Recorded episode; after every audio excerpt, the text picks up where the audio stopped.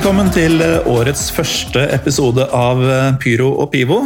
Kunne man sagt, eller man kan jo si det fortsatt, men det er ikke en helt vanlig episode i dag. For vi har nemlig begått en såkalt crossover med en av mine favorittpodkaster i Norge, nemlig Globus Rulett. Og eh, det betyr at vi har hanka inn Torkel Gundersen. Velkommen. Tusen takk. Du er programleder for Globus Rulett. Det er jeg, vet du, Morten. Akkurat som du er programleder i en rekke podkaster. Og vi, altså, det høres jo kanskje tydelig ut for Pyro Pivos lyttere hva eh, din podkast handler om, men det er jo da en svært reiseglad fyr jeg sitter med her i dag. Ja, det er meg og min kollega Gunnar Garfors, som er intet mindre enn verdens mest bereiste mann, som har vært i alle verdens 198 land to ganger. Så det er han og meg som lager det. Jeg er reisejournalist, og ikke det så mye som han, men jeg er mer interessert i fotball enn han. kan mm. ja. ja, Det er derfor du er her og ikke han? Ja, det stemmer nok. men uh, du sier at Gunnar er verdens mest bereiste mann. altså Det høres ut som en floskel, men det, det er jo fort sant?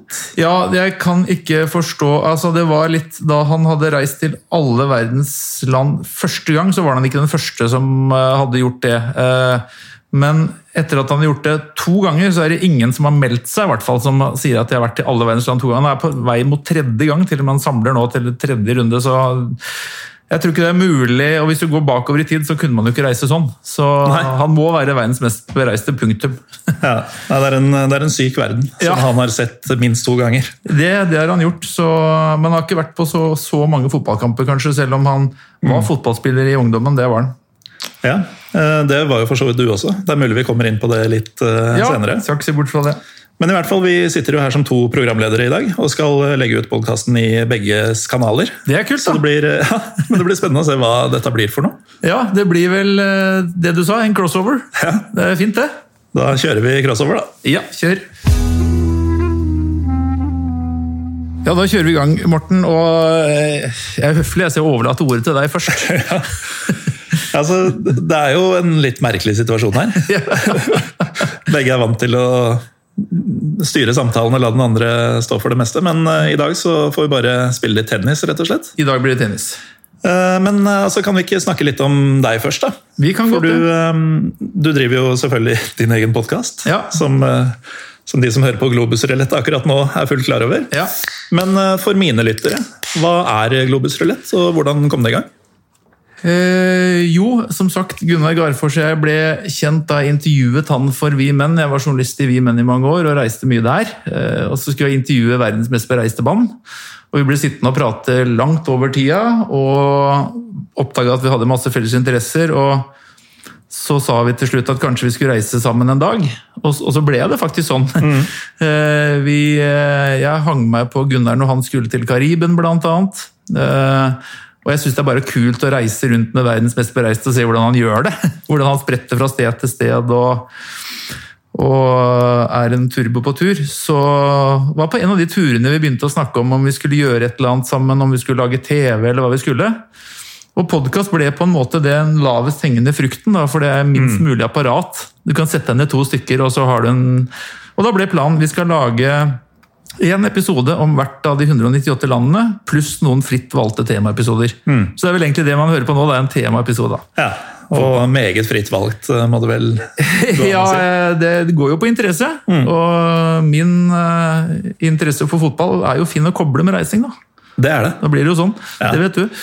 Ja, og altså, Det å koble fotball og reising, det er altså, Jeg tror vi begge snakker til våre forsamlinger, holdt jeg på å si. Ja. At det er veldig mange som selvfølgelig er enig i dette. Men hvis man ser litt forbi det at det er gøy å se fotball når man er på reise, så er det jo faktisk um, mye mer enn som så. Hvis man ja. gjør det riktig. Ja. For det er jo eh, Jeg vet ikke om noen annen måte Det er mulig Gunnar kunne har et par tips i ermet til folk som ikke er interessert i fotball. men Nei. Jeg veit ikke om noen bedre måter å komme i kontakt med lokalbefolkning på, f.eks. Nei, det er eh, for du møter de på en arena hvor de har lidenskap allerede. Og så kommer du utenfra, og så syns de alltid er spennende at du kommer fra et annet land for å se på deres fotballag. Mm. Og da er du invitert inn på en øl med en gang, liksom. Ja. Så det er, det er, en kjempefin døråpner som en vanlig turist ikke får hvis en går på museum, liksom. Nei, ikke sant. Og det, det gjelder jo omtrent hvor som helst. altså nesten også på type Manchester United og Chelsea og sånn. Ja. Men, ehm, eh, for oss som gjerne liker det litt særere. Da. Ja. Så jeg har ikke tall på hvor mange ganger jeg f.eks. i Tyrkia, Øst-Europa, disse litt mer varmblodige områdene, ja. eh, nærmest har blitt eh, slept med på en helaften og, og sånne ting, bare fordi jeg kom for å se deres fotballag. ja. Eh, Språket er heller ingen barriere etter hvert, eh, så lenge det er nok i glasset. Det hjelper på det. Det flyter på tyrkisk òg, da. Nei, det er sant. Eh, Det er en vidunderlig måte å kombinere interesse på, da. Det syns jeg. Men apropos interesser, hvordan starta fotballinteressen for din del? Du, jeg vokste opp med en far som sto i mål i det lokale laget. Det heter Hærland Indre Østfold mellom Mysen og Ørje uti der. Det heter ikke alt det. Eh, Nei, det heter bare Hærland, men det er ute i Indre Østfold. Og så eh, dårlig lag, tiendedivisjon. Men eh, sparka fotball, og så var det sånn at jeg skulle ha favorittlag. Jeg var født i 68, så jeg var sånn eh, valgte vel Leeds United fordi søskenbarnet mitt sa jeg skulle gjøre det. Det var Peter Lormer. Eh, og i Norge så valgte jeg sjøl, og da ble det Lillestrøm og Tom Lund. Det var min eh, store helt på midt på 70-tallet der. Det må jeg si er et utmerket valg. Ja, du holder med Lillestrøm du òg. Oh, ja. Da er det gul-svart aften. Da blir det gul-svart aften, så Opprykk og alt mulig i boks. ja. Nå, nå lyser det, altså. Ja, ja. Det, men for meg så Nå er jeg nok mye sterkere Leeds-fan enn Lillestrøm. eh, For det var særlig når jeg var eh, barn og ungdom at eh, da dro jeg til Åråsen ofte og, mm. så på Tom Lund. Ja, du fikk sett Tom Lund. Ja, jeg fikk sett Tom Lund og, og var veldig glad for Jeg husker jeg, som i går, jeg var åtte år, jeg fikk mast bestefaren min til å dra til Åråsen første gang. Og det var tilfeldigvis, eller ja, tilfeldig. Lillestrøm hadde jo gått denne veien opp gjennom divisjonene. Kommet opp i toppserien. Og allerede på andre forsøk var det vel, i 76 så lå de an til å vinne serien. Mm. Sensasjon. Og bestefar han kjørte opp til Åråsen, det var snø i lufta. Det rydda banen for snø kvelden før. Og eh, det var ståtribune på den sida som er ut mot motsatt side av toget. Det var ståtribune. Der var det sånne bølgebrytere, så han satt meg oppå en sånn bølgebryter for at jeg skulle se. Og så er jeg blitt fortalt at jeg kommenterte kampen som Bjørge Lillien, for han var min radiohelt. og Jeg kunne navnet på alle gutta utpå der, og, og Tommy skåra mot Bryne 2-0 og gikk på knærne ned i snøfonnet bak mål. og Det var min første livekamp. Det var å se Lillestrøm bli seriemester. Så da var det jo solgt, da. Om det ikke var det før. Blir jo litt uh, misunnelig. Ja, eh, det, det var flaks med tid og sted, men eh, det brente seg fast i et barnefotballhjerte. Mm. Gjorde det. Jeg tror min første livekamp var um, Da bodde jeg i Åsgårdstrand av en eller annen grunn. Jeg var vel ti år eller noe sånt. så- regner du vet hvorfor du bodde i Åsgårdstrand? det er ikke helt tilfeldig. Nei, det, vi flytta nå dit. Men, men i hvert fall så um, spilte Norge U21 Mm. eh, på den tida med Tor André Flo, Steffen Iversen, Ole Gunnar Solskjær osv. Ja. Mot jeg tror det var Tsjekkia. ja. eh, på Eik gressbane, eller hva det nå het. I Tønsberg, ja. tida. Mm. Så den eh, fikk jeg dra på, da. Og det var jo selvfølgelig stor stas å se fotballspillere som jeg hadde hørt navnet på. Mm. Eh, Men det var jo ikke på en måte noen skjellsettende opplevelse. Det var ikke historisk eh, øyeblikk, sånn som Ja, men det var din første kamp, da. Jo, sånn sett, så. Men man har jo fått opplevd en del siden, da. Ja, det har man. Men det var fotballen, reiseinteressen, da. Når kom den? Du, Den kom vel omtrent nesten samtidig, for jeg likte faget geografi på skolen. Og, og, og kart og hovedsteder, og, og ligge foran peisen hjemme og bla i atlas og se Sulawesi og Jakarta og liksom Indonesia husker jeg det fremsto som sånn helt eventyrlig å kunne reise dit. Men det er det jo fortsatt, hvis man bare ser på kartet. Ja, det er jo det. For en spinnvillig geografi. Ja. Og landet slutter liksom aldri. Nei, og det er jo litt her og der, og Borneo og alt sammen, vet du. Så um, jeg, har jo, jeg kom meg jo dit, da. Da var jeg ikke mer enn et par og tjue. Jeg dro verden rundt med ryggsekk med en kompis. Så det var første gangen jeg omsatte den reisefeberen i Da var det liksom eh, pakke sekken, bruke resten av studielånet på å komme seg verden rundt på et halvt år, da. Så det begynte sånn. Og det gikk. Det gikk, og Den gangen, så dette var jo da i 90-91, vi fikk besøkt Sovjetunionen rett før det kollapsa. Oh. Så vi var i Moskva da det var Sovjetunionen. Og så var vi i eh, Thailand, Malaysia, Indonesia, fløy over til LA og var der, og var til Rio, var på karneval og i Sør-Amerika i tre måneder. Og det kosta 60 000. Et halvt år. da høres jeg veldig gammel ut. Ja, nei, men det, altså, jeg, jeg, har alltid Ikke alltid, det er ikke helt sant, men de årene jeg har eh, vært interessert i å reise og likt å reise, så har jeg alltid lurt på hvordan sånne verden eller jorda rundt-folk og backpackere som bare blir borte De skulle dra tre måneder, men flytter inn i, på Bali f.eks. Sånne ting. Jeg skjønner ikke hvordan folk får råd. Nei, eh, det er jo Det kan du si. Det er jo, noen tar seg jobb der ute. Drar til Australia, ble, kommer på en sauefarm og leker seg. ikke sant? Ja. Men eh, for vår del så hadde vi en plan om et halvt år, og vi skulle fortsette studier når vi kom hjem, så vi hadde en end-date på det. da. Mm. Så vi kom oss hjem. Var det knapt med ressurser mot slutten, eller gikk ja, det greit? Det, det, det var det eh, veldig billige hoteller de siste månedene. her. Det var så vidt det ba etter den siste flybilletten fra London hjem, husker jeg. Dro og så på, Siste jeg gjorde på den turen, var å se Wimbledon Leeds på Plow Lane. gamle Plow Lane. Det, det, var vel også første gangen jeg så Leeds live. Det var i slutten av den verden rundt-turen. Det gamle Wimbledon på gamle Plow Lane? Yes.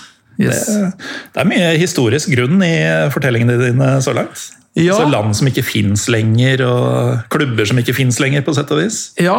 Øh jeg pleier å si at jeg har vært heldig med timingen. Jeg var interessert i fotball på 90-tallet og havna jo i min første jobb var jo da for et reisebyrå som skulle satse på engelsk fotballreiser. Mm. Og På den tida på begynnelsen av 90-tallet så var det ikke så mye internett, folk dro ikke sjøl på samme måte. Nei. Så da var jeg med det som da heter Indre Østfold reisebyrå, lever i beste velgående i dag. Eh, og starta opp eh, med supporterklubbene til Manchester og Liverpool og Leeds. Mm. Så fra 92 til 94 så var jeg jo der da United vant sitt første ligagull under Ferguson. Eh, bortekamp mot Aston Villa, husker jeg. Som Leeds-fan. Ja, som Leeds-fan, ja. Eh, så hadde jo Leeds vunnet året før. Ja. Solgte Cantona til United. Stemmer. Manchester United altså. Stemmer. Og ser jo da at det er det som skulle til for å ta over hegemoniet. Hvordan var det? Det var vondt for meg. det var vanskelig å være profesjonell da. Det var vondt for meg, men jeg fikk med meg den Charity Shield-kampen mellom eh, Leeds og Liverpool. husker Jeg den, eh, jeg tror det ble 4-3 eller noe sånt til Leeds. Det var det siste Cantona gjorde. Mm. Og så um, Nei, men det med United Masse flotte folk uh, i supporterklubbledelsen der som vi har kontakt med fortsatt. Uh, og det er en veldig profesjonell gjeng som nærmest har et reisebyrå sjøl nå, tror jeg. For det er så mange mm. som drar. Det er jo big business, det der nå. Ja. Men um, du har jo da rett og slett levd et stor del av yrkeslivet ditt uh, hvor du har kombinert disse to interessene. Ja, fordi at uh, siste jobben i det reisebyrået var rett og slett å lage tur til USA-VM i 94. Der uh, vi fikk med oss Rekdal-straffa mot Mexico og i 40 grader i Washington, husker jeg. Uh, hadde brødrene, brødrene til Frode Grodås var med på min tur. og de lagde god stemning, kan jeg love deg. Så det var det siste jeg opplevde i den jobben. Og så gikk jeg rett inn i Blad Fotball, hvor jeg var heldig å få journalistjobb. Ja. Eh, Starta høsten 94 og jobba noen år da i bladet Fotball. og Det falt jo heldig sammen med Drillo-perioden, som kom da. Ja, For Bladet Fotball er det jo muligens en del yngre lyttere som ikke kjenner til. Mm. Men det var jo all the rage på 90-tallet. Det var Stort opplag, store budsjetter, vil jeg tro. Ja, Det var det. Det, det var, var Bladet Fotball, rett og slett. Ja, det var, det var eh, en spillelisens på den tiden som gjorde som alle som spilte fotball, løste en lisens. Da fikk du forsikring, og, fikk, og det måtte du ha. Mm. Og så fikk du Bladet Fotball i posten. Så vi hadde jo et opplag på godt over 100 000 i Bladet ja. Fotball. Og det gjorde at vi hadde litt budsjetter til å reise rundt, og vi lagde når vi lagde VM-nummer, så besøkte vi alle land og skrev om en person fra det landet. Så mm. da ble det jo masse reising eh, med Blad Fotball i de åra på 90-tallet. Og nå er, eh, er det Globus-rulett som, som, er si, jobben som har med disse interessene å gjøre? Ja, det er jo det. Eh, etter Blad Fotball så gikk jeg over til Vi Menn i samme forlag, i Egmont forlag, og var der helt fram til 2015, hvor jeg starta en musikkfestival som er hovedinntekten min nå, eh, over Oslo. Eh, men eh, jeg er fortsatt frilans for Vimen, og det gjør at jeg fortsatt reiser litt i den jobben. Mm. Så det var mye reising også i Vi Menn, og klart alt dette er jo akkumulert og brukbart da, når vi kommer til Globus Rulett, som ja. jo er en hobby, men som er en morsom hobby. Ikke sant? Så det Altså for, for meg, da, som uh, tross alt lever litt uh, Jeg sitter litt mer fast her i Oslo ja. i jobbsammenheng. Ja. Eh, Jeg er jo prisgitt eh, Jeg jobber som lærer, så mm, jeg er prisgitt eh, skoleferier og langhelger og, og den type ting. Men du har jo litt, litt fri når du er lærer, da. Jeg har jo det, så jeg skal ikke klage. Men eh, det er aldri sånn at jeg sendes noe sted i embets medfør. Nei. Eh, All reisinga må jeg jo Koste sjøl, si. Ja, Som jo gir meg friheter til å velge hvor og, Ja. og sånn, men det, jeg merker at skulle jeg gjøre ting på nytt igjen, så er jo din eh, vei noe jeg definitivt hadde kikka på. Ja, nei, men det å være journalist, eh, og særlig i en sånt magasin som vi menn har vært sånn at du foreslår Det er ikke så ofte det blir sendt, du foreslår, og da kan du foreslå reportasjereise til et område eller til et land. Og da kan du jo legge opp etter eh, hvor du er interessert i å dra også. Så det har jo blitt, eh, vært mye i USA, eh, mest i Europa selvfølgelig, og også kombinert med fotball når jeg kan, da. Og det, altså Du nevnte du, du var jo på jobb i USA-VM, Ja.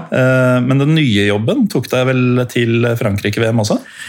Ja, det var, det var vel faktisk eh, sånn at det var slutten av Blad fotballtida, og rett da jeg gikk over til Vi Menn. Men det var med samme forlag, og, og jeg lagde en tur for noen eh, ledere folk der. Så da kom vi oss jo på den berømte kampen eh, i Marseille da, mellom Norge og Brasil. Så vi satt bak målet til Grodås der, og aldri har minuttene gått så sakte på fotballkamp som da vi leda 2-1 der nede. Det gikk sakte, altså. Jeg, eh, jeg så jo den i Da var jeg blitt 14 år. eh, En uke tidligere, tror jeg. Og så mm, så vi da kampen i leiligheten vi bodde i på Vestli i Oslo på den tiden. Og jeg husker faren min og min, eh, hans daværende kone, eh, min nå eks-stemor, eh, de kasta meg rett og slett ut av stua. Jeg fikk ikke være i stua lenger. Jeg måtte ut på balkongen og se kampen gjennom vindu. Fordi eh, den 14 år gamle stemmen den gjorde for mye ut av seg. Da, Krakilsk. ja, rett og slett. Jeg tror det rabla for meg. Ja. det rabla for Norge den dagen. Ja, det gjorde jo det. Det gjorde det. Så det, det som er synd, er jo sånn I ettertid så skjønte jeg jo hvor store fester det var i gatene og sånn. Ja. At jeg ikke var fem år eldre, f.eks. Ja, ja. Da hadde jeg jo hivet meg på T-banen og antagelig aldri kommet hjem.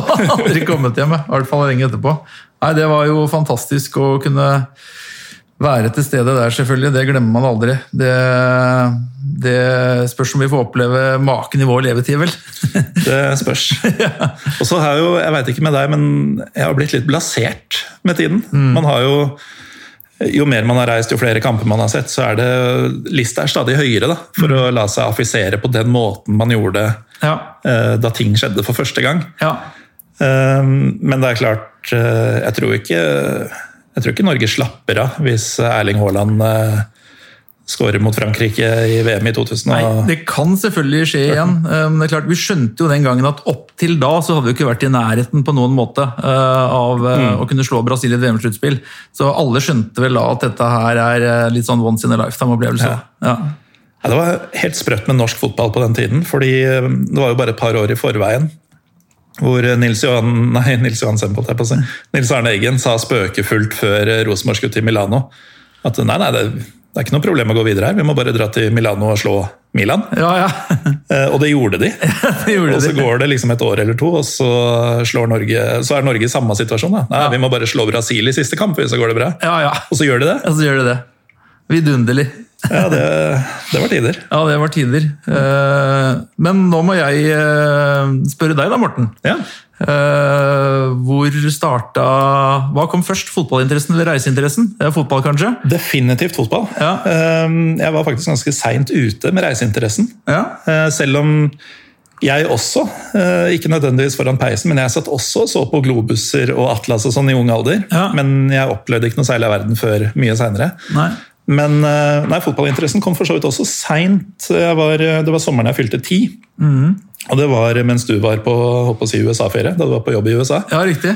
Eh, Norge hadde slått Mexico uten at jeg egentlig hadde hatt eh, noen særlig interesse av det. Men jeg ble sittende og se på Italia-matchen, som var i neste runde.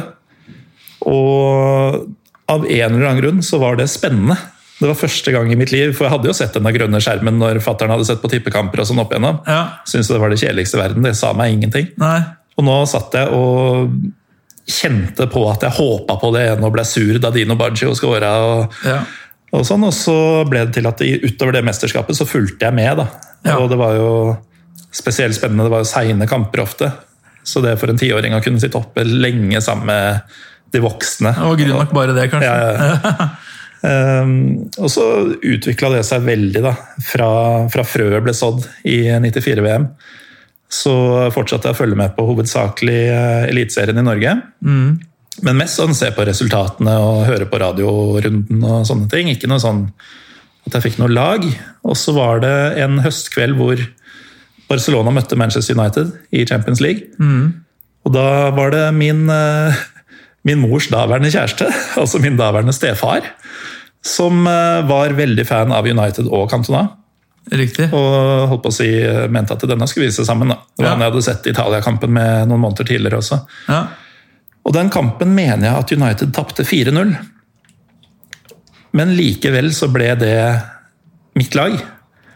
Eh, og så gikk jeg jo da gjennom alle ungdomsåra sånn, uh, med masse beskyldninger om å være medgangssupporter. ja, ja. Fordi de vant jo tross alt rubbel og bit De i, i et tiår der. De gjorde det.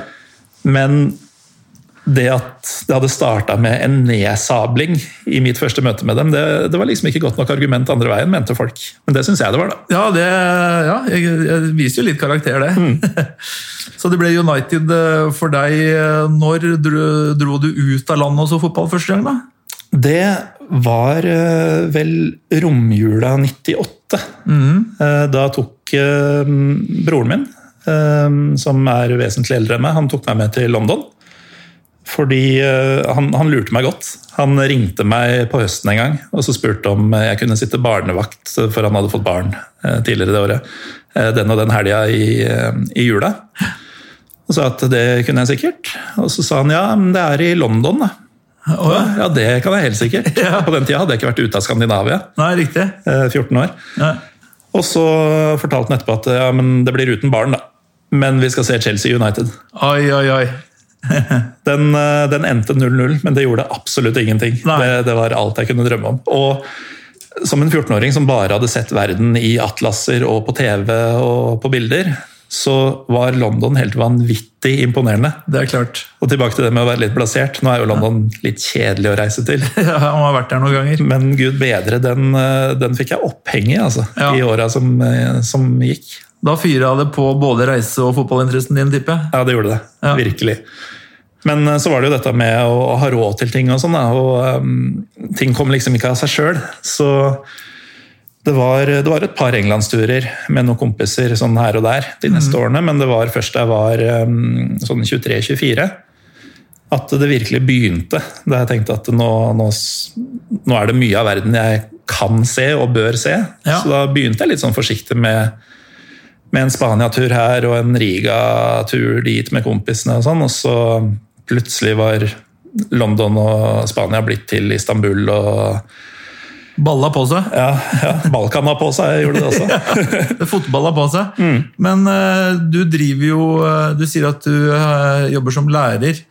Og så har du flere podkaster. Første gang jeg ble oppmerksom på din podkast, var jo Historiepodden, som du har sammen med en kompis. Mm. Ja, Med Jim Fosheim. Ja, Den jo- kan jeg trygt anbefale. Der eh, går dere gjennom ulike si, episoder i verdenshistorien Mm. som gjerne har noe spesielt og morsomt ved seg. Ja, det er jo um, Det har blitt kalt en populærhistorisk podkast, og det er det jo på en måte. For vi er jo litt sånn vi er litt slu når vi velger ut temaene. Det er ofte ganske juicy enkelthendelser eller enkeltpersoner. Ja, Eh, ikke alltid allmenn kjent, Nei. som jo blir litt sånn pyro og pivo-preg på, på det. For Ja, det er jo ikke alltid folk skjønner hva vi prater om heller. nei.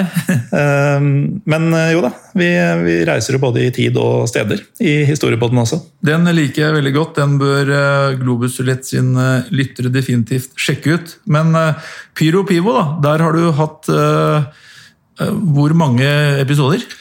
Og det her blir vel 174, tror jeg. Ak- Akkurat. så. Dette har du holdt på med, holdt på med lenge. Eh, Hva snakker dere om i, i Pyro Pivo?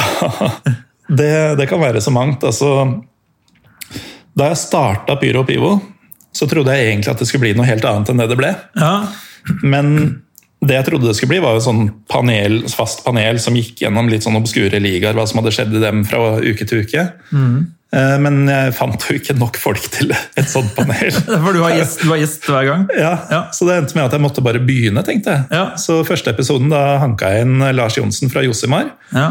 Og Runar Skrøvseth, som nå er med i Dritta Halbseit, denne podkasten om tysk Om fotball. tysk fotball, ja. Mm. Og um, Nei, det stemmer faktisk ikke. Runar var med i episode to. Ja, ja, okay. Lars fra Josemar og en fyr til, da, som, som var St. Pauli-fan. Og Lars har bodd i Dresden. Ja. Så første episode handla om tyske kultklubber. ja, ikke sant. Så jeg snakka litt om mitt kjære Union Berlin. um, Lars om Dynamo Dresden, og uh, sistemann Pål Karsten om St. Pauli. Og da var på en måte standarden satt. da, At det var fotballkultur og, og historie faktisk der også Ja, som har blitt gjennomgangsmelodien. Men det er jo altså, Hva er fotballkultur? Det er jo klubbhistorie, det kan være ting som har skjedd på tribunene, det kan være klubbhuset til Accrington Stanley. for. Altså, det, det er ikke noen rød tråd annet enn at det gjerne ikke handler om spillet, fotball. Det er ikke resultatene som, som står i eh, høyborg der. Nei, altså Hvis jeg nå nevner Ronaldo og Messi for moro skyld nå, så er det kanskje fjerde gang i løpet av de 175 episodene at de navnene har blitt nevnt i Ja. Pyro og Pivo. Det er kult, for det er nok av de som snakker om eh, helga som var, eller kommer. Eh, men dere, eh, jeg har hørt på noen episoder hos deg, og dere går jo litt eh, inn i disse historiene som omgir klubbene, og der er det jo uendelig mye å øse av. Ja, og så må det jo ikke handle om klubben heller. Eh, snakker du om Staua Bucuresti f.eks., mm. Så må du jo snakke om Ceausescu. Ja. Eh, du må snakke om eh, ja, kanskje først og fremst han. Ja. Eh, du må snakke om palinkaen som man drikker når man er i Romania. Man må snakke om maten man spiser der. Eh, Og da er du nesten over på globusulett-tema. ikke sant? Ja. Så Så det er jo- Derfor henger dette veldig godt sammen. Veldig naturlig crossover, dette. Ja, så jeg regner med at de av Globusulett sine lyttere som ikke ønsker fotball, har skrudd av nå. Så det er, da kjører vi videre med fotball og reiser, vi. Ja, og alle mine er fortsatt med, tror jeg. Ja, Selv det, om, det håper jeg. for det er jo, man forventer jo gjerne litt reiserapporter og sånn også hos oss. Ja. Vi, um, det var litt morsomt, eh, nå relativt nylig hadde jo dere en episode om Hviterussland. Eh, Den slukte jeg jo, for der var jeg høstferien 2018. Ja, Og det ble jo en episode av Pyro Pivo også, det. ja, ja selvfølgelig. Eh, Vi, eh, vi opplevde jo mye rart, men ingen av oss turte å stå på hendene foran KGB-bygget. Som Gunnar gjorde. Ja. han har noen sånne, han ble snakka hardt til, men han kom seg unna med det. da. Det, Gunnar pleier å si at en eh, litt pen i tøyet og et stort smil, så går det meste. Ja. Så han kjører dressjakke og stort smil.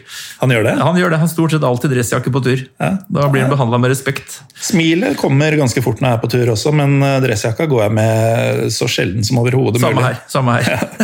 Så det er T-skjorte og shorts gjerne, hvis Ja. det lar seg gjøre. Det var ikke T-skjorte og shorts når jeg var i Minsk, for det var i februar. Mm. Så det var uh, ørelapplue. Men eh, Som du kjøpte der, eller? Eh, ja. Ordentlig russerlue. Ja, det jeg, har litt, jeg har litt sånn hang-up i gammel sånn østblokk-kommunisme-nostalgi. Mm. Og er et sted du kan oppleve det, så er det jo Hviterussland. Ja, virkelig. Eh, der, der, der er det jo present i gatebildet, liksom. Mm. Så det er gøy. Nei, jeg har jo eh, altså En ting er jo å samle land og opplevelser, og sånn, men jeg har jo også sånne delmål på veien. Da. At uh, Jeg vil jo f.eks. samle hele gamle Jugoslavia på sjekklista. Gamle Sovjetunionen og sånne ting. Ja.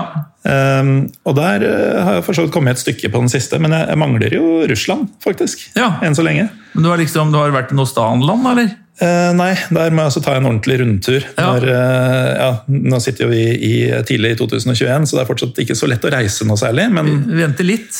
Men det er masse tid å planlegge. vente litt, så blir det en ordentlig, ordentlig runde i stanlandene. Det Ja. står ordentlig høyt på lista. Har du vært i noen av dem? eller? Jeg har for- foreløpig ikke vært der. Eh, Jeg har veldig lyst til å dra til Turkmenistan. Mm. Eh, Det, men der er det vanskelig å komme inn, sier Gunnar. da. Eh, For eh, de slipper ikke inn hvem som helst når som helst. Nei, og skal du inn, så skal du inn på deres premisser. Ja. Jeg skjønt. Så det er jo litt sånn akkurat der, men de andre Mm. kommer man greit inn i. Så, eh, men hvis vi starter litt med Balkan, kanskje. da. Ja. Der har vi begge vært litt eh, rundt. Eh, Hva er eh, dine særeste eller morsomste opplevelser fra Balkan? Nei, ehm, ja, det er jo Det er jo noen, det også. Altså, hvis vi, vanligvis så tenker folk på Balkan som gamle Jugoslavia. Ja. Men det er jo en sannhet med modifikasjoner. Det inneholder jo både Bulgaria og Romania, f.eks. Ja, Um, og først- Albania. Ja. Og deler av Hellas. Og det er liksom Absolutt. Ja. Ja. Så hvis vi tenker eh, Balkan som det det faktisk er, da, så var min første tur dit eh, til Bulgaria, til Plovdiv, i Ja. 2012. Ja. Og da var jeg der eh, sammen med en fyr som hadde kommet til Oslo et par år i forveien fra Plovdiv. Eh, Vi skulle da se hans eh, favorittlag, Båtev, Ja. som er gule og svarte og kaller seg Kanarifugla. ja, riktig. Eh, byderby borte mot Lokomotiv, som jeg tror ikke kaller seg selv det, men som i hvert fall Båtev-supporterne kaller for sigøynerne. Ja, riktig. Så De har jo sin, sin måte å se på folk der. Ja. Men i hvert fall så skulle jeg da bo sammen med denne Angel og familien hans. Og eh, det som slo meg, var jo at den første dagen så spiste vi lunsj hos besteforeldra hans. Sånn bulgarsk ektepar godt opp i åra, liksom. Ja. Klokka var kanskje 12-1. Det ble servert en vanvittig svær og feit eh, kjøttpuddingvariant hjemmelagd. Ja. Dette var eh, da brunsj, egentlig. ja, riktig. Og til den så var det en to liters eh, plastikkflaske med husets hjemmelagde rakia. Ja. Eh, Som jo ofte er da plommesprit eller pæresprit eller noe sånt.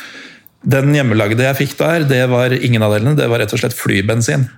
Akkurat. Og dette gamle besteforeldreparet de satt og supa, og du forstrakk ikke en mine, verken han eller hun. Nei. Eh, Så da, da var tonen satt. da. Jeg skjønte sånn at dette blir en knallhard tur. Og det skulle det jo bli, for vi skulle være bortesupportere på dette derbyet. vi. Oh, ja. Akkurat. Eh, Og de gutta var jo altså Angel var tidligere en av lederne i eh, Bultras, som det heter. Eh, Ja. Supporterne til, eller Ultras-gruppa til, eh, til Botev. Eh, Og vi eh, møtte jo da hans venner, hvorav han ene er han som bruker megafonen. og Det, det var ordentlig sentrale skikkelser. da. Ja. Så det var ikke snakk om å stikke seg bort på noen måte. Og eneste måten å få tilgang til bortetribunen som vi skulle på, det var å gå i dette toget, eh, denne marsjen, fra Botev sitt stadion Ja.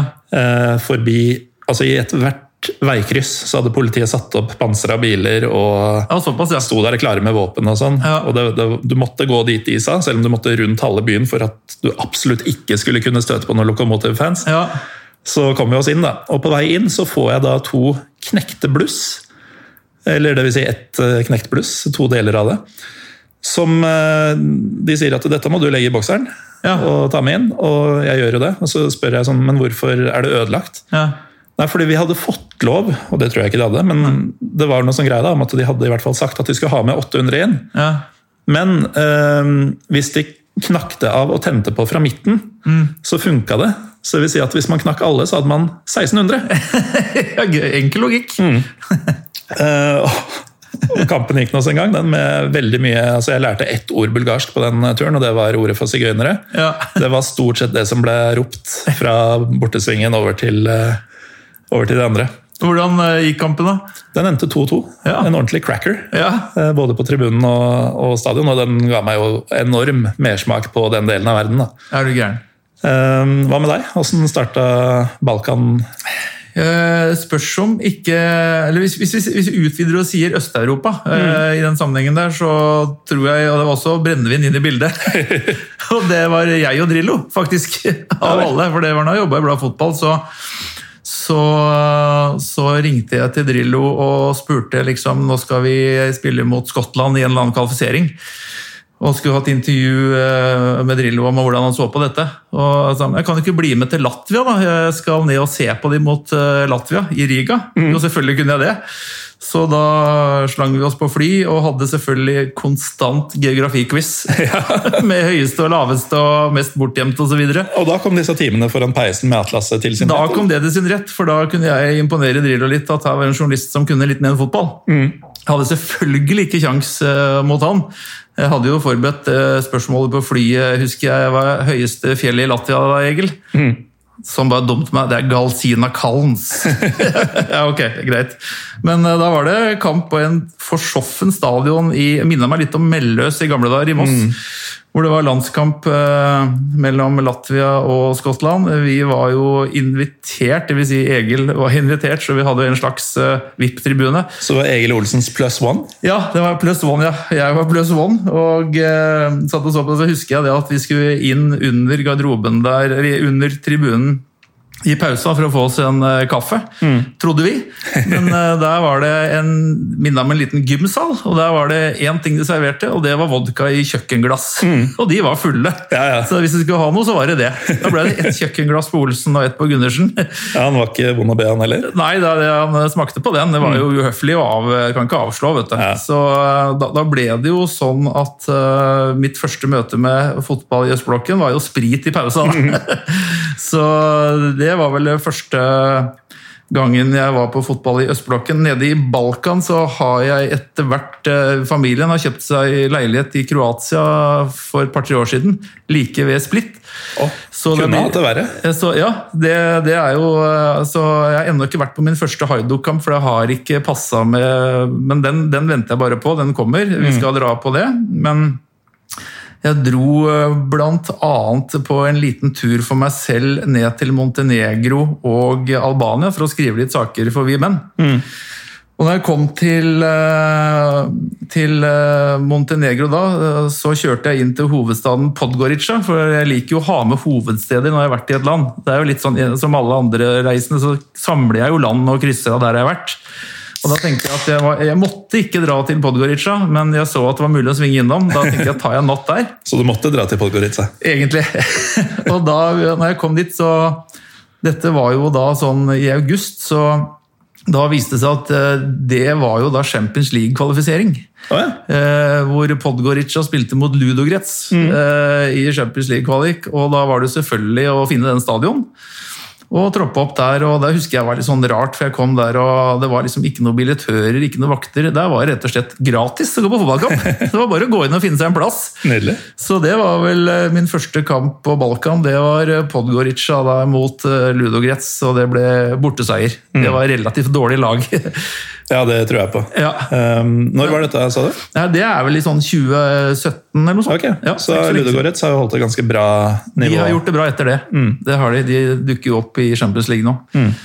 Så, så, var jeg i, i, fjor så fikk jeg lurt med kone og datter på en togreise interrail hjem fra eh, Kroatia, for ikke å ta fly hjem. Mm. Og da ble det to fotballkamper i to land underveis. da. Ja. Ja, først så dro vi til eh, Budapest, og da var det igjen Champions League-kvalifisering. Da hadde jo vi ikke fått sett fotballkamp når vi var på ferie året før i Malta. Valletta har et ålreit fotballag, men eh, ikke noe kamp når vi var der. Mm. Nå var det jo da kamp med Ferencvaros mot Valletta i Champions League-kvalifisering på Grupama stadion i Budapest, og det var helt nydelig. Det har blitt grei skuring for hjemmelaget, vel? Ja, det var det. De, de vant og gikk videre, mm. men det var altså stappfullt. Kjempestemning og 30 varmegrader. Og selv kone og datter syntes det der var gøy. Det var, eh, og så dro vi videre, og så stoppa vi i Krakow. Og da fikk jeg sett Krakowia, som er moderklubben til Mateus Klitsch, en av stjernene på Leeds. Mm. Han har jo faktisk tatovert på armen Skyline i Krakow, og, og hans klubb er da Krakowia. Så fikk mm. jeg med meg match der, da. Kjenner du til derbyet i Krakow? Eh, det er Krakowia mot eh, Wiswa, ja, uttales det jo. Det uttales, ja. Som er elven, er det ikke det? Jo. Ja, Vis, Visla, Visla Krakow, ville jeg sagt. Da, men, ja, ikke sant? Det er jo det man leser. Ja. Si. Uh, det oppgjøret kalles rett og slett The Holy War. Ja, riktig. Så den, den har jeg sett noen videoer fra. Den, hvis man vil ha det litt, litt varmt, ja. så bør den være på lista til Eh, nye reisen og Krakow er jo en eh, jeg har ikke vært der selv, men det er jo en veldig lett by å komme seg til og sies å være ja. vel verdt et besøk. Vel verdt et besøk uansett, men eh, hvis du kan krydre det med en sånn fotballopplevelse, så er jo litt tilbake til det vi snakka om, at da får du se noe som ikke alle turister ser. Mm.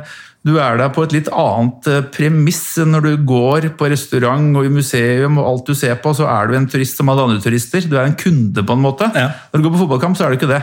Da spør folk hvorfor er du her, og jo, jeg er fra Norge, og sånn og sånn. Mm. Og eh, der hadde jeg en artig opplevelse, apropos det, i Kroatia 2018. Så var vi på ferie da i den leiligheten i eh, Vodise, heter dette stedet, mellom Sadar og Split.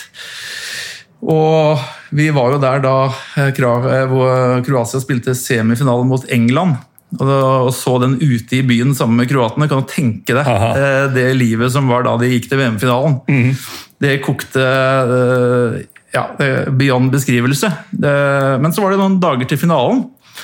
Og så satt jeg og leste litt om Luka Modric, som jo hadde vokst opp eh, i Sadar, like utenfor Sadar. Og på et lite sted som het Modrici. Eh, Og, det, og så sjekka jeg på Google Maps, og det var jo bare en drøy times kjøring fra der jeg var. Så tenkte jeg at eh, nå skal jeg rett og slett kjøre dit og se om jeg finner noen som husker Luka Modric. Du dro på en sånn Luka Modric-pilegrimsferd? Rett og slett satte meg i en bil og kjørte alene. Og kom opp i fjellene bak eh, Bak Sadar der. Og så så jeg et skilt hvor det stod Modrici, og så pil inn, og så kjørte jeg etter det skiltet. Og der var det en sju-åtte hus og en diger schæfer som kom og bjeffa på bilen min. Og Da var det ikke så fristende for meg. Jeg er ikke så glad i hunder, i hvert fall ikke sinte schæfere. Så jeg rygga bare litt eh, ut igjen, så tenkte jeg vel, vel, det var kanskje det. Men da jeg kom tilbake til krysset hvor skiltet var, så ser jeg at det har stoppa en TV-bil i det krysset, og de står og ser på det skiltet og lurer. Så går jeg ut og spør liksom Hello, liksom. eh, Ser dere også etter eh, Luka Modric sitt eh, fødested? Ja, og det var da kroatisk TV. Så de skulle dit for å lage en reportasje. Mm. For det viste seg at broren til bestefaren til Luka han bodde fortsatt der oppe. Ah. Og de snakka selvfølgelig språket, og jeg fikk komme inn i bilen deres. Jeg var først intervjua på kroatisk TV, for de lurte på hva en nordmann gjorde oppi der. Det var ikke noe godt svar på det. Nei, nei, det var så, nei, du skjønner, jeg pleide å jobbe for Blad Fotball, og da dro vi rundt, og nå vil jeg bare se hvor Luka kommer fra før finalen, liksom. Og så får jeg være med de inn. De driter i den bikkja. Eh, De føyser den vekk, og så banker de på porten, og så kommer en tannløs gammel mann ut, da, som snakker bare kroatisk. Men jeg får stille han noen spørsmål sammen med disse TV-gutta.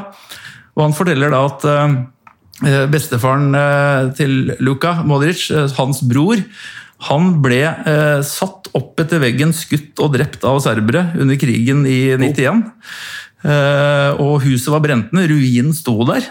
Der bodde bestefaren, liksom. Og, og faren til Luka tok han med seg inn til Sadar. Der de bodde i en slags flyktningleir hvor gutten sparka fotball ut på, i bakgården. Det er liksom, Når du tenker på krigshistorie i Europa, så er det ganske nært, da. Ja. Eh, Så det var en ganske sånn spesiell historie. Så da, etter å ha fått tatt bilde med han og hørt hans historie, så ringte jeg til VG, når jeg kjenner noen i VG-sporten. Så sa det må du skrive! så skrev jeg ut den historien om han og bildet derfra. Så var det på VG på trykk den dagen det var VM-finale. ja. Så det, det var eh, bare flaks, men en morsom historie. Det er jo instinkt også, kanskje. Ja, du må jo, hvis du skal, Sånn tenkte vi som journalister også. Det er ikke alltid du har en avtale på forhånd. Mm. hvis du ikke er der, så får du i hvert fall ikke noe. Så bare det å reise et sted og, og si at du kommer fra Norge, så skal du se at det skjer noe. Det er litt kult å oppleve. Ja, altså, eh, Du nevnte at du, du har ikke fått vært på Haidok eh, ennå. Nei. Eh, Det har jo jeg. Og det var faktisk eh, Det tror jeg, Hvis man hører på den første Pyro Pivo-episoden, så sier jeg på slutten at neste uke så drar jeg til Kroatia. Så kanskje det kommer noe derfra. Ja. Eh, Og på det tidspunktet, jeg visste jo ikke hva neste episode skulle handle om. Nei. Men eh, jeg skulle da til Zagreb, eh, reiste aleine, som var en greie jeg begynte med litt i forveien.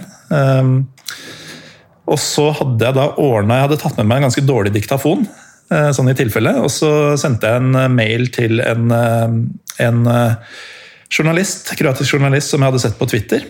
Mm. Alex Holiga. Og han var villig til å møte meg, han, så vi, dagen før kampen så satte vi oss ned på en kafé. og eh, Jeg satte på denne opptakeren og prata litt med henne, og sånn, men det var først etterpå at vi tok en pils og ble litt bedre kjent sånn off record. At, En pivo? ja, en pivo, rett og slett. Eh, At han fortalte at nei, han var jo egentlig Hajduk-fan. Vi var jo nå i Zagreb, det var på Maximir i Zagreb at kampen skulle gå. Men eh, han kunne godt sette meg i kontakt med eh, en som heter Ante. Som var en sånn uh, Torsida-fyr, supporterne til, eh, til uh, Hajduk. Eh, og denne Ante han hadde også tidligere vært De hadde kuppa et årsmøte i klubben, så han hadde også vært styremedlem i Haidok Split en periode. Ok. Men var nå tilbake på tribunen. Ja, riktig.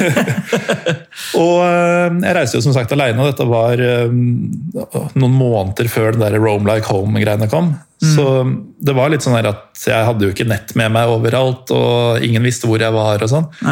Så går jeg da ut eh, på formiddagen dagen etter, ut i regnet i Zagreb. Stiller meg opp på den trikkeholdeplassen som jeg hadde blitt bedt om. Ja.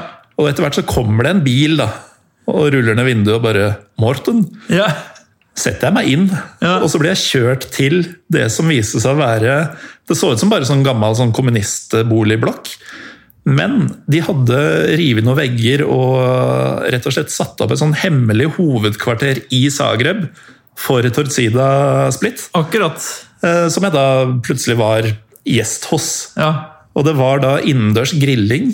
Ja. Det var masse brennevin. ja. Det var eh, Ja, jeg har veldig mye positivt å si om Øst-Europa, men det er også en god del shady karakterer der. Ja, det er det må det vel lov å si, og. Spesielt i fotballsammenheng. ja. Så det var jo litt ymse, da. Og der går jeg rundt og bare spør litt sånn forsiktig innimellom kan jeg ta bilde av dette. kan jeg ta bilde av dette. ja, ja. Og øhm, hadde jo faktisk ordna meg pressepass også til kampen, Ja. men endte jo da med å heller, etter å ha tatt noen enheter med disse og spist litt av den innegrilla pølsa og tatt noen bilder med noen av de verste av dem, og sånn, ja. så ble jeg heller med på bortefeltet den dagen. ja riktig. Eh, fortsatt i regnet, men det, det glemte jeg rett og slett litt, for det var, eh, det var såpass spennende, rett og slett. Ja, At, eh, og altså, hva som helst kunne skjedd. Sånn, Det der er jo et glimrende eksempel på at fotballen tar deg steder hvor du ikke ville kommet ellers. ja. Det gir deg helt eksklusive opplevelser da, når du får være med på sånt. ja. Det med å ikke ha en avtale på forhånd, f.eks. For eksempel. Dette Ja, ja. bare skjedde jo organisk, hele greia. Ja, ikke sant? Og så ble jeg verken knivstikke eller eh, banka opp eller noe som helst. Det går jo stort sett bra, Mm. det meste. Eh, Jeg havna i Leeds-fansen. Jeg var i Roma for å skrive en sak eh, for Vi og Ikke helt tilfeldig valgt, for det var i Uefa-cupen så var det Roma, AC Roma mot Leeds. og Alf Inge Haaland spilte der på den tida. Og hadde ikke billett, men gikk ut på byen eh, kvelden før med det målet om å treffe Leeds-fans. Og de hadde tatt over noen puber, som de ofte gjør. Og ble sittende der og ble tatt eh, godt imot, var fra Norge, og de lo av Frank Strandli og sånne, sånne ting. Og så var det Alfie og det der. Og så sier jeg men jeg har ikke billett. Ja, men det ordner seg. Eh, Møt der i morgen, så blir det med våre busser, for vi skal busses inn i fellesskap. Så skal du se at eh, vi får til noe.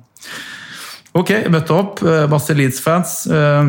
Bussene gikk inn til Olympiastadion, og det var sperre av, og det var veldig opplegg for at Leeds-fansen skulle holdes unna hjemmefansen. Og så hører jeg på bussen at det er et ektepar som har hatt innbrudd på hotellrommet. De er blitt frastjålet pass og billetter og alt mulig. Så de har, eh, og, det, og dette stemmer jo, da. Eh, Men når vi går av bussen, så kommer de i kontakt med noen sikkerhetsfolk der og står og forteller historien sin. og De ringer på en dame som kommer fra kontoret og Sorry, sorry, det som har skjedd med dere. Og da skyter jeg igjen. Ja, men akkurat det samme skjedde med meg. Hadde innbrudd på hotellrommet i går. Billetten, alt er borte. Ja, det var trist. Tre stykker. Jo, men dette løser vi. Kom med meg. Og så var det inn på tribunen. Jeg og det ekteparet. Og så fikk vi se Leeds, da. Så det handler om at eh, Det må litt unorsk. ja, selv om ting ser vanskelig ut, så møt opp, så skal du se at det Og sånn har jeg kommet inn på mye fotballkamper i England. for at eh, En eller annen fyr eh, skal selge billetten sin for at kompisen kunne ikke, og så hadde sesongkort. Eh. Og så kommer du nesten alltid inn. altså. Ikke stryk nesten, du kommer alltid inn.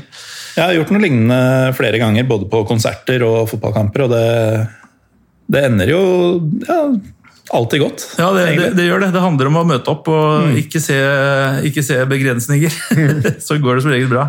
Nei, muligheten er der uh, som oftest. Ja. Um, hvor, eh, altså, hvor har på en måte mm, fotballopplevelsen vært eh, føltes lengst hjemmefra, hvis du skjønner hva jeg mener? Hvis du ser på Åråsen eller Ullevål stadion som, som, som det trygge A4-greiene, ja. hvor har det vært rarest? Ja, øh, på den turen vi hadde verden rundt, som jeg nevnte, så var vi i Brasil, og da var det en kamp mellom Botafogo og Fluminense i Rio. Eh, Og det føltes veldig langt hjemmefra. Jeg var relativt ung og hadde, ikke, hadde vært, så vidt vært i England på kamp, liksom. Så det, det, det var en veldig eksotisk opplevelse, eh, med den galskapen som var på tribunene der nede. Ellers så kan jeg ikke si at jeg har opplevd ransforsøk på å reise flere ganger, eh, særlig i Brasil. Men jeg har aldri vært utrygg på fotballkamp. Jeg har, jeg har ikke det. Har du? Ikke på eh, Nei, egentlig ikke på fotballkamp. Um, til og fra kan man jo være det. For Ja. da er man jo en del av samfunnet og all småkriminalitet og sånn som finnes ellers. Ja. Um, det reddeste jeg har vært i sånn sammenheng, var faktisk, tror jeg, som jeg kom på i farta i hvert fall, Hviterussland. ja. For da hadde vi vært um, på en uh, halvdagstur til, um, til uh, Borisov. ja. uh, Som folk ikke må finne på å dra til, forresten. Med mindre man bare skal på fotballkampen og tilbake. Der er det ingenting. Nei, nettopp. Eh, eller jo, for din del så er det en svær svær Lenin-statue på Torvet, men jeg tror ikke du må til Borisov for Du å se en finner sånn. det flere steder. Um, nei, da skal vi ta toget tilbake til Minsk. eh, og så For det første hadde vi jo kjøpt eh, skjerf av eh, Bate, som er Borisov-laget. Mm.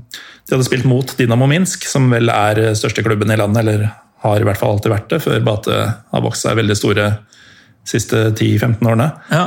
Eh, Men alle de andre på toget var jo Dinamo-fans som skulle Ja. hjem.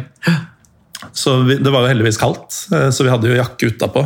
Så skjerfa syntes ikke, men eh, det dukker jo opp en ordentlig sånn brokete gjeng da, rett over gangen for oss i vogna. Ja. Eh, og det var helt tydelig at det var ikke bare vodka de hadde fått i seg. Nei. Uh, de hadde også tapt kampen så det sang 4-1, hvis jeg husker riktig. Ja. Så de var jo litt sånn Nå gir vi F. Ja. Nå, nå ruser vi oss uh, hinsides, og så drar vi på byen når vi kommer hjem, og så kanskje vi havner i noe bråk eller finner noen damer. altså Uansett. Ja. Det er vel to sider av samme sak for, for mange hviterussere, tror jeg.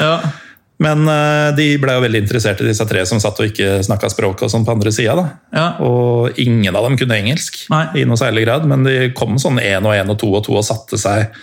Eh, Og det var jo litt sånn invaderende i seg sjøl. Vi Ja. var tre stykker, og plutselig så satt to stykker utafor i vår sitteseksjon. Ja.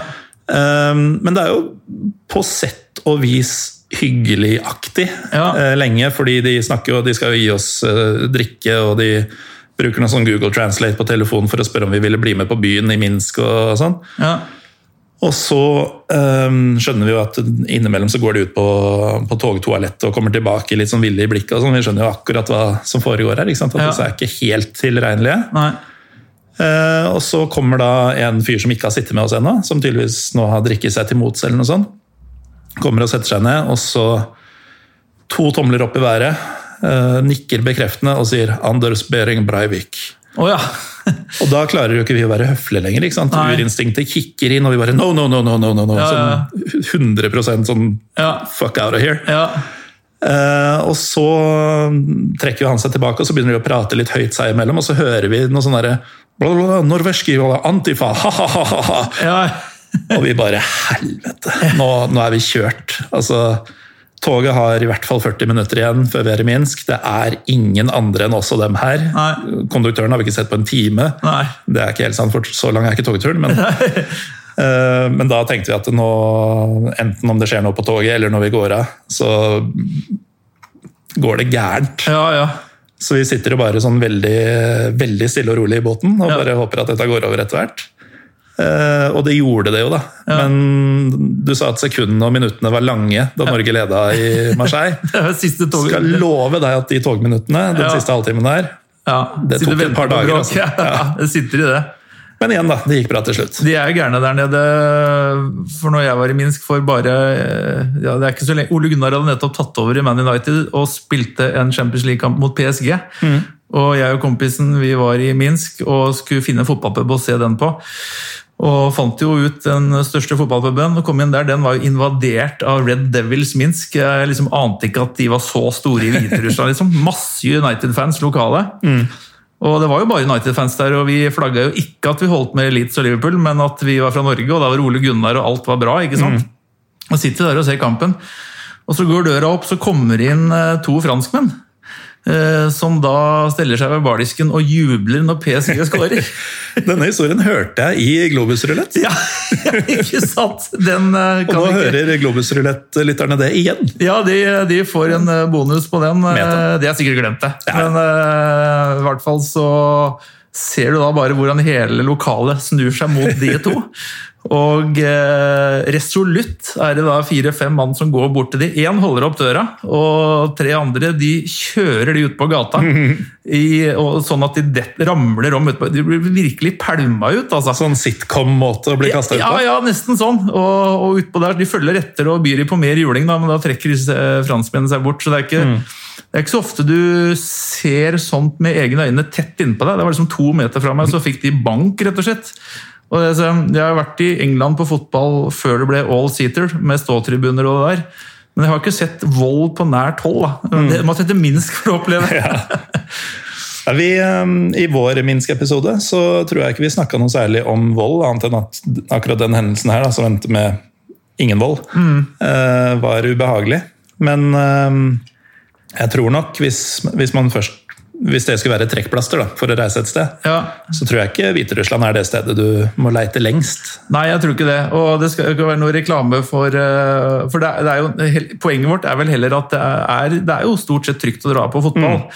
Det er klart Du kan komme sammen med gjenger som Plutselig er du en del I det øyeblikket du går med Haiduk-fansen på bortekamp, da, så er det jo for omverdenen så er du en av dem. Det hjelper ikke å si at jeg er fra Norge og er lærer og snill gutt. Det holder ikke, det, da. Nei, for jeg, jeg, jeg er jo her. Ja. Altså, du havner ikke uforvarende i den situasjonen. Nei, det gjør ikke det, men eh, det er jo litt det det er liksom den, eh, den der stemningen som er, som er litt det vi jakter. Det er nesten litt sånn dark tourism, dette Morten. Jo, men det er jo det. Ja, eh, På sett og vis. Det, På fotballaviset. det er jo et uttrykk vi ikke bruker så ofte i eh, Pyro og Pivo, men det er jo altså, Det ligger jo litt i, i uttrykket hva det er. Ja. Eh, Man søker etter ting som egentlig burde skremme deg fra å dra et sted, Ja. eh, men som heller trekker deg. Ja, Eh, Som folk som drar til Tsjernobyl, f.eks. ja. de var der på, i samme året, i Tsjernobyl. Mm. Det var jo eh, ikke så mye fotballsupportere, men det, det vil jeg bare anbefale, for da drar du til eh, Kiev, som er en veldig fin by. Ja.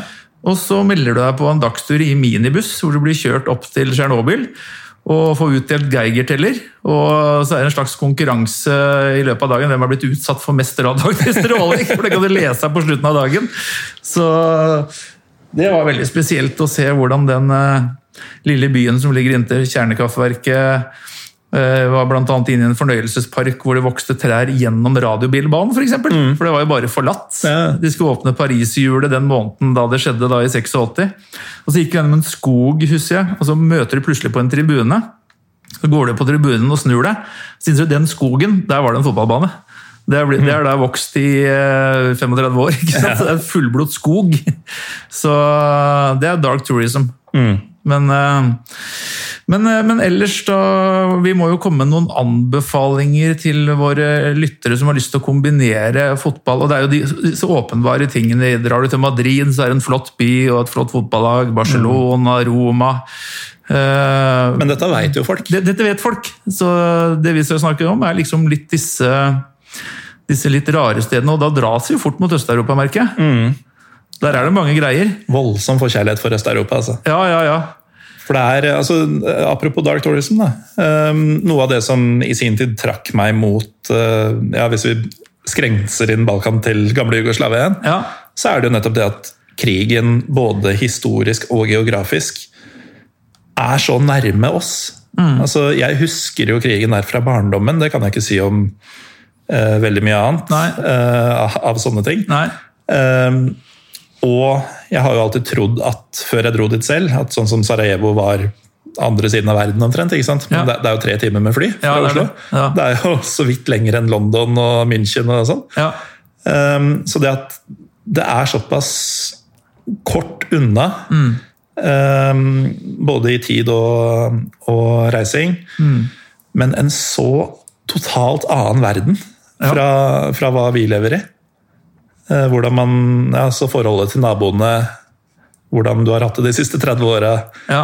Um, og så har du selvfølgelig klima, hyggelige priser og eh, ifølge meg noen av de mest eh, hyggelig utseende kvinnene Ja. i både Europa og verden. Står ikke tilbake på det. Nei da. Så det er veldig mye som, som appellerer til meg der. Men det, starta altså med at det første jugoslaviske landet jeg dro til, var jo Bosnia. Eh, Og det å se disse kulehulla i vegger og sånne ting, det, det krydra på en måte som man nesten får litt dårlig samvittighet for å kjenne på. Altså. Jo, men det er, det er, som du sier, det er ganske nær historie. da. Det, er, eh, det var jo all over the news. eh, Jeg husker jeg var på slutten av den Verden Rundt-turneen. Ja, når det sto 'Balkan brenner' på hovedstadsavisen i Madrid. Der var jeg på slutten av den turen. Hvor vi forresten også da fikk eh, sett Real Madrid eh, på Santiago Bernabeu. Det er det høyeste jeg har sett fotball. For Da fikk jeg en billett øverst på den høyeste tribunen, og da følte jeg at jeg satt og så på TV, for det var så langt unna den matta. Så det var eh, Som Google Earth-bilde. ja, det var liksom sånn satellittbilde av der nede et sted, så er det fotballkamp. Men eh, det bringer meg jo videre til stadioner. Eh, har du noen eh, spesielle stadionopplevelser, for å si det sånn? Å ja, det, det blir jo noen av dem også. Eh, Men jeg, jeg kan jo ta med noen eh, Nå snakka vi jo litt mørkt her, Ja. så jeg kan jo ta noen av de lystigere. Ja, Eh, Jeg har jo vært med på to banestorminger på, Ja. på reise. Ja. Eh, Og det har tilfeldigvis vært, eh, ikke så tilfeldig kanskje, men det har vært mine to favorittlag i utlandet. Som United når ikke opp der lenger, som Nei. et av de to. Eh, Men i eh, forrige fjor, blir det, så var jeg til stede på kvalikkampen da Union Berlin for første gang i historien rykka opp til Bundesliga. ja. Eh, Da det var en Det var et litt av et liv. Ja, det, det var et ganske sykt prosjekt i utgangspunktet. De hadde spilt 2-2 borte mot Stuttgart, som var Bundesliga-laget, som hadde havna på kvalik. Ja. Ehm, Det var på torsdag kveld, og så hadde jeg i løpet av helga Og stadionet til Union tar bare sånn 22 000, og de har jo flere medlemmer enn det. ja. Sånn at det er jo knapt mulig å få tak i billett selv om du bor der. Men uh, pga. Twitter, sosiale medier og sånn, så var det da en fyr som sendte meg i innboksen at eh, du, jeg har faktisk eh, sesongkort, og jeg får ikke dratt på mandag. Oi! Så den Du kan få min plass. Jeg trodde det var kødd. Så um, jeg tok meg ikke fri fra jobb. Jeg underviste til kvart på to på mandag. Ja. Dro rett til Gardermoen. ja. eh, slang fra meg sekken min, bortsett fra Union-skjerfet mitt, på et hostell og dro rett ut til stadion. Var inne en halvtime før kampstart. Ja. Og så ender det 0-0. Det rykker opp på bortemål. Oi, oi. Etter at VAR tok bort et frisparkmål for bortelaget Oi. Som jo ville velte alt. Ja. Og da er det jo bare én ting å gjøre. Eh, På, i, I Tyskland så serverer de jo håper å si fullblodsøl på tribunen. Ja. Så jeg var jo godt uh, marinert etter hvert. Ja. Eh, sammen med sikkert 2000 andre. Løper rett inn på banen etterpå. Det er, et, altså det er som å være på festival. Ja. Eh, bortsett fra ultrasene bak målet, de sto fortsatt på tribunen. De var så disiplinerte at de sto der fortsatt og styrte stemninga. og sånn. Så vi andre tusen bare nyter godt av det og føler oss nesten som spillere. ikke sant? Løper bort og tar imot jubel. og, og sånn. Fester, klemmer på ukjente tyskere og eh, kommer meg jo etter hvert da, på et eller annet vis tilbake til eh, dette hostellet. Men batteriet mitt har jo gått, og jeg er jo ikke helt ved mine fulle fem, så jeg glemmer jo å sette på alarm. Ja. Eh, Som fører til at jeg forsover meg dagen etter. Men på mirakuløst vis så rekker jeg likevel dette morgenflyet tilbake til Oslo. Og fra jeg dro fra undervisning 13.45 på mandag og til jeg møter elever igjen klokka ti på tirsdag, så har jeg da nesten levd et helt liv. Du har jo fått klemt inn mye ja, på en mandagskveld. Ja, det var, eh, det var viderekommende reising, Morten, det må jeg si. Ja, jeg følte meg ganske proff da, altså. Ja, ja, ja. Eh, Nesten Gunnar-nivå. Ja, det var nesten Gunnar-nivå, det må jeg si. Eller, ja. Uh, nei, jeg har vel også for så vidt vært med på å storme banen på et veldig mye lavere nivå. Det var på 90-tallet hvor eh, en kompis av meg som også jobber i Bladet Fotball, eh, skulle skrive om engelsk fotball. Og han fant en klubb som var med å starte ligaen 18 et eller annet og 80, som ikke fantes i proffsystemet lenger. Ja. Den klubben het Accrington Stanley. Og eh, Han var der intervjua de og fikk god kontakt og ringte hjem til oss gutta som hadde vorspiel og sa nå starter vi en fanklubb i Norge for Accrington Stanley. Og alle der som signa jo på med det samme. Og Det tok jo ikke lang tid før vi hadde 300 medlemmer. Og da ble det selvfølgelig tur over. da. Eh, Vi var vel 25 stykker som dro for å se Accrington eh, i en hjemmekamp og en bortekamp på en langhelg. Og eh, eh, det ble jo tatt imot der borte med store oppslag i lokalavisen. The Norwegian Vikings are here. Vi hadde selvfølgelig plasthjelmer og sverd, alle sammen. Og, og Accrington-drakt. Og The Sun skrev om oss. BBC kom og lagde intervju med meg, for jeg var supporterleder. Jeg husker han intervjua med han fyren fra BBC, og så hadde jeg disse hornene på hodet, og så sa så What, What's this? sier han. Jo, altså bare, de kunne bøyes, de hornene, da. Så sier han You know, when we lose, we all go like this. Og så bare bretta jeg ned begge hornene. Så. And when we win, we go like this, opp. And when it's a draw, så var det én ned og én opp. Og da lo han der reporteren som lå på bakken og lo. Så det var kjempestemning. Og så var det bortekamp neste kamp det var mot Buxton United. Og Da var det kanskje sånn typ 500 tilskuere. Vi snakker da sjette divisjon i England, altså under conference. Og eh, vi dro ned der med Ankom i litt forskjellige taxier, for gutta hadde vært på byen dagen før, og ingen nådde opp det tidspunktet på supporterbussen. Det var ingen som klarte, så vi Nei. kom jo bare i forskjellige taxier til banen. og så var det en av gutta som eh, sto bak eh, målet til motstanderen og sang Accrington, Accrington når keeperen til Buxton skulle ta femmeter. Og så står han litt sånn og veiver med sverdet som det har en sånn slire.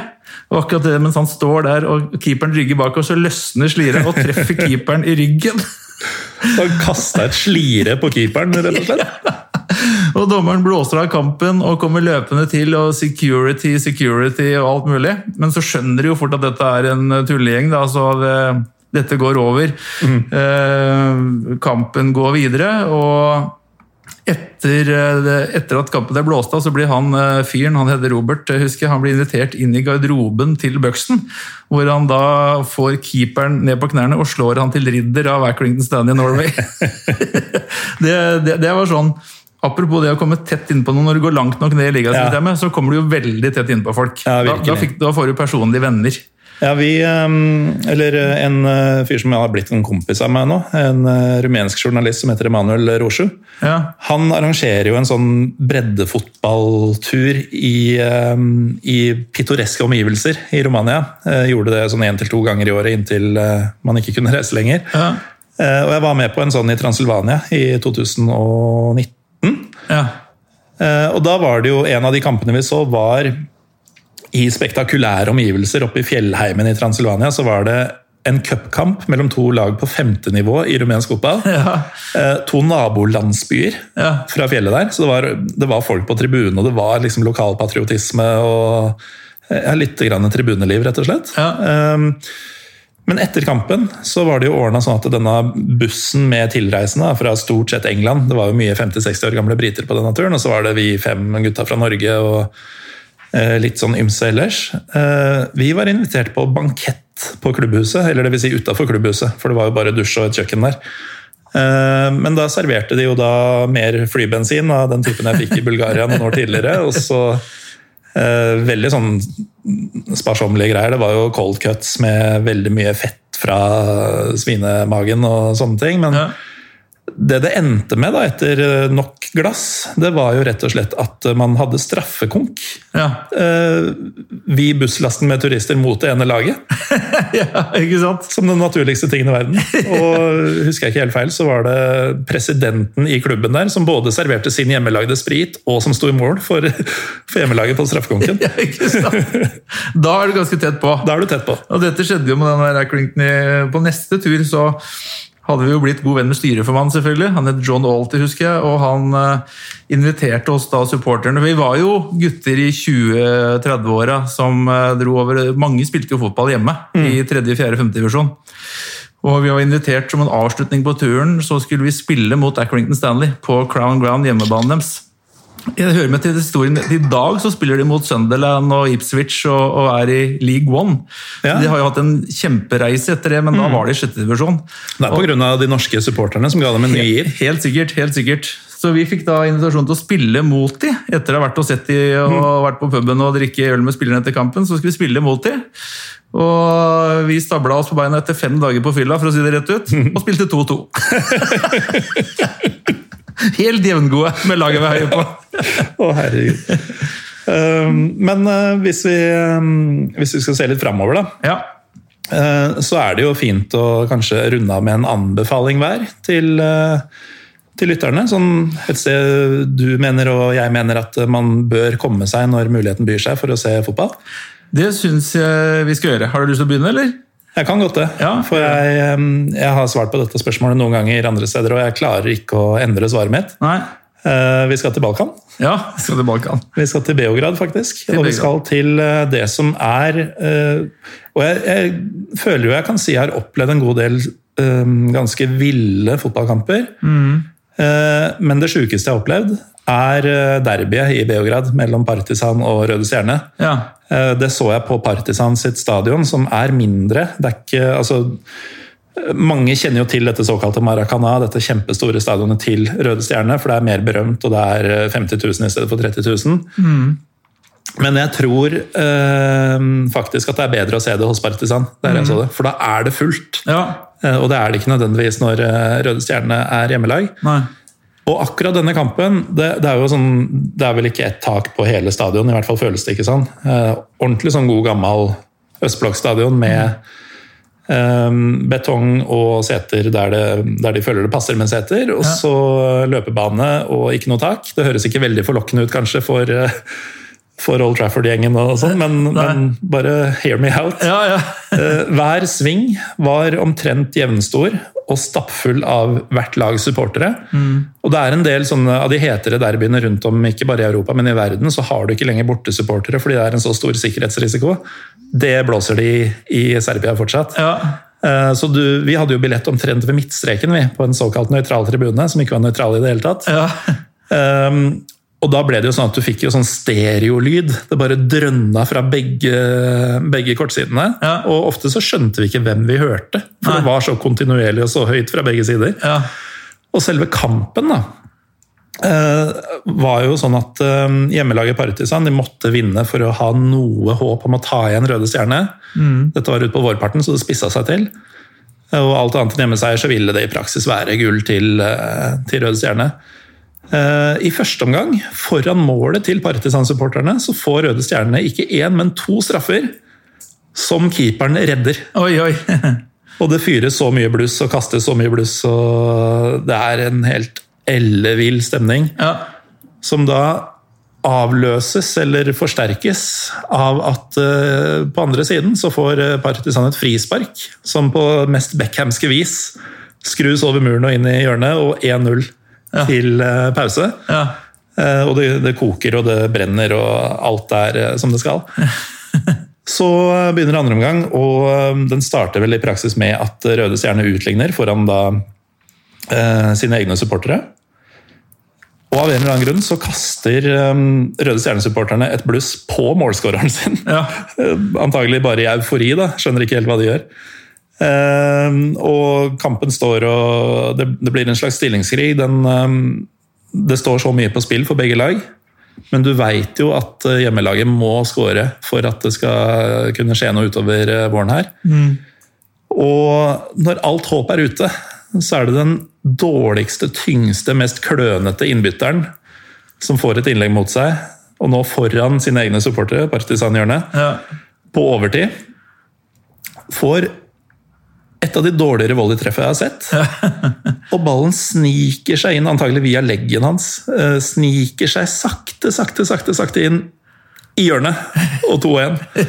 Og den eksplosjonen jeg prata om med de redda straffene sånn i første gang, det var ingenting i forhold.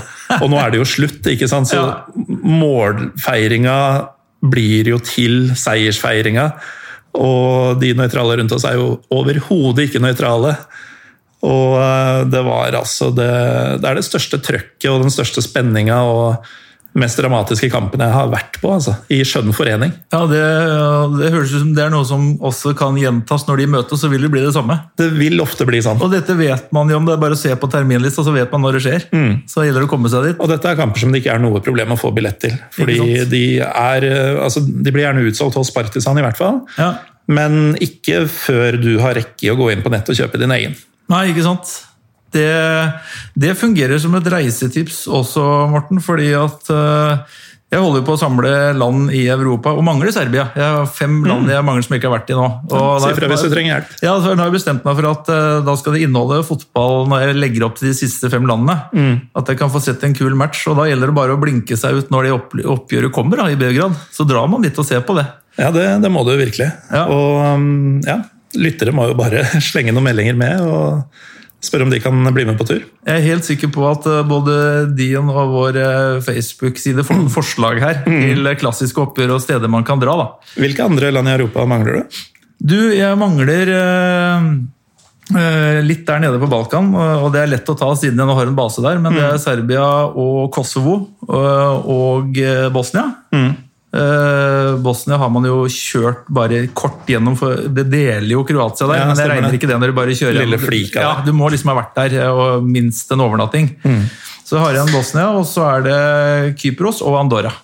Så akkurat, akkurat Andorra tror jeg ikke det blir så veldig store fotballopplevelser, eh, men, eh, men eh, de andre der så bør det gå an å legge inn fotball. Det tror jeg. Så er altså Serbia, Kosovo, Bosnia, eh, Andorra og Kypros. Ja. Fire av disse landene finnes det minst én Pyro og Pivo-episode om. Ja, ikke sant? litt research. Da er det bare å gå inn der og forberede seg, da. Eller så, nei, Hvis jeg skal anbefale noe, så Litt i Globus Juliet ånd, så vil jeg kanskje knytte det opp mot andre opplevelser i den byen også. Eh, som er veldig fine. Da kan jeg tenke meg å nevne to hvor jeg har vært på fotball. Tessaloniki, Alexander den stores by. Eh, i Også. Atatürks eh, fødeby, faktisk. Nettopp. Der er det masse kul historie. Der er det kult å gå på Gå på museum og lese om Balkankrigene. Det er jo strandliv. Det er jo Mm. flotte strender der. Det er restauranter og barer. Og så har PAOK da hjemmebanen sin der. Så der eh, Mm. Og Ares. Ja, ikke sant? Eh, Det var ikke lokaloppgjør når vi var der, men det var kjempestemning på den kampen. Mm. Eh, Og lett å komme inn, bare å gå og kjøpe billett til uka. Svarte og hvite PAOK, veldig fanatiske fans. Mm. Det, det er en veldig fin fotballopplevelse. Og så vil jeg nesten trekke fram Budapest igjen, altså. Ja. For den, eh, den stadion, eh, Grupama stadion med Ferencvaros, der var det også kjempestemning. Eh, kanskje helst prøve å finne et lokaloppgjør eller kanskje en europacupkamp. da. Eh, men Budapest har jo så mye kult, eh, og utelivet der er, vil jeg rangere topp tre av hva jeg har sett i Europa. De der ruinbarene syns jeg er Yes. utrolig kule. Ja, Simpla Kert, og de var innom noen av de. Mm. Og dette er jo på pestsiden. Budet er litt mer store slott Ja. og plasser og litt kjedelig. Kaksete. Ja, men på pestsiden, eh, hvor også da denne banen ligger, så er det utrolig kult. Eh, veldig avslappa stemning og easy going. Eh, veldig hyggelig å være der, og veldig fint å se fotball. Så den vil jeg anbefale. Jeg vil jo da ta med, siden jeg nevnte Beograd, at eh, det også er en veldig kul by å besøke. Eh, ikke av de vakreste på jord, men den eh, veier opp for det med veldig mye sjarm ellers. Og det er, jo en, det er jo en stor, stor by med alt en storby har å by på. Eh, er jo kjent også for et eh, veldig bra uteliv. Eh, Riktignok er ikke det Altså det ordentlige utelivet i eh, Beograd er veldig sånn der, um, pulserende nattklubbvariant, som ikke jeg er så glad i. Men uh, ikke vær redd hvis du, hvis du er sånn som meg, for du, du finner dine barer og dine utesteder også. Finner noen barer, ja. Og det er jo igjen fint at hvis du går der hvor fotballfans Hvis du gjør litt research på forhånd, så du finner ut hvor fansen møtes og sånn, Ja. så kan du skli inn jeg mener, Hvis du drar til Stockholm uh, og går på Bayern på, og med, og møter Hammarby-fansen på Søder, så tar det ikke mange pilsen før du er inne i gjengen der. Altså Hvis du har litt lest opp på forhånd da, og kan henge med AIK-fansen på kamp, så har du en kjempeopplevelse. Det, Ja, men Det også er jo et, eh, et fotballreisetips. er jo rett og slett å finne ut, finne ut litt om laget du skal se. Ja. Finne ut litt om supporterkulturen deres, og gjerne hvor, de, hvor livet er før kampen. Mm. Finner du livet før kampen, så finner du fort livet etter kampen også. Ja. Og gjerne under. Det er så lett å komme i kontakt med folk eh, som har på seg en fotballdrakt. For det er liksom bare, Og de syns alltid det er gøy når du kommer fra Norge, og de lurer på hva du gjør der, og så er du i gang. Og da, da får du spesielle opplevelser. Og Du får jo også de andre historiene, hva folk jobber med, hva de tenker og tror om statslederen. Eh, Og EU og Russland og alt Putin. altså Du får jo så mye ut av folk når du møter dem over en øl på en pub. Altså, Jeg skjønner helt oppriktig ikke hvordan folk som ikke er interessert i fotball Klarer å komme i kontakt med folk? Nei. Nei, Nei ikke ute på reise. Altså, Hva bruker du for å komme i prat med den og den og den? Nei. Og, og når du ikke kommer i den praten, da, så får du heller ikke tatt opp disse tingene om statslederen og sånne ting du egentlig lurer på. Nei, for eh, de fleste turister møter jo eh, servitører på utesteder, hotellpersonale, kanskje en taxisjåfør som er pratsom. Ja. Men de forholder seg til deg på en profesjonell måte. Du er gjest, og du betaler for et eller annet. Men når du møter en fotballsupporter og kjøper en øl til den, så er det en helt annen setting. Du får snakka med folk og og er du heldig, så får du venner for livet. Med Facebook og sånn, så jeg har jo masse Facebook-venner etter at folk jeg bare har møtt ute på den måten der. Ja. Ja, da, da er vi to, og med de som hører på, veldig mange flere. antagelig. Helt, helt sikkert. Så uh, hvis ikke folk har fått noen gode reisetips nå, så vet ikke jeg. Nei, da kan man vel ikke få det. Nei, da må man lete et annet sted, altså. Men eh, skal man først få reisetips, så er jo Globus rulett virkelig et sted å starte. Jo, der uh, er det jo også sånn at vi har, snakker om en del obskure land, da. uh, som du ikke finner så mye informasjon om ellers. Ja. Så vi har kommet 60-70 episoder uh, i vei, og vi skal som sagt gjennom alle 198 land. Så hvis du har et favorittland som du kan tenke deg å reise til, så kan nok hende du finner en episode hos oss, da. Nydelig. Er vi, er vi rett og slett ferdige, da? eller? Ja, Foreløpig, men dette var jo så hyggelig, så dette kan vi jo eh, gjøre igjen når vi har lagt noen nye Kanskje vi dukker opp på samme arena et sted òg i fremtiden? Det kan jo godt være. Det, jeg blir gjerne med deg på tur, jeg, Morten. Ja, takk det samme, Torkil. det, jeg tror vi har um, både ting å lære hverandre og um, muligheten til å nyte godt av hverandres uh, Helt sikkert. erfaringer. Her har vi uh, og går ut en uh, oppfordring til våre lyttere. Uh, kom deg på tur. Blink ut. Blink ut. Se litt på terminlista om det kan være noen spennende lokaloppgjør. Og så har du sikra deg en unik opplevelse. Og du trenger ikke være kjempeinteressert i fotball heller, for jeg tror du får mye ut av det bare på stemningen. Mm. Ja, Finner du et stort oppgjør som betyr mye for folket, så kan du fort glemme å se på, det, på matta også. Bare se på, se på publikum. Mm. Det er mange som har gjort det opp igjennom. Da sier jeg takk for besøket til deg, Morten. Jeg sier takk for besøket til deg. Da er vi enige. takk for i dag. Takk for i dag.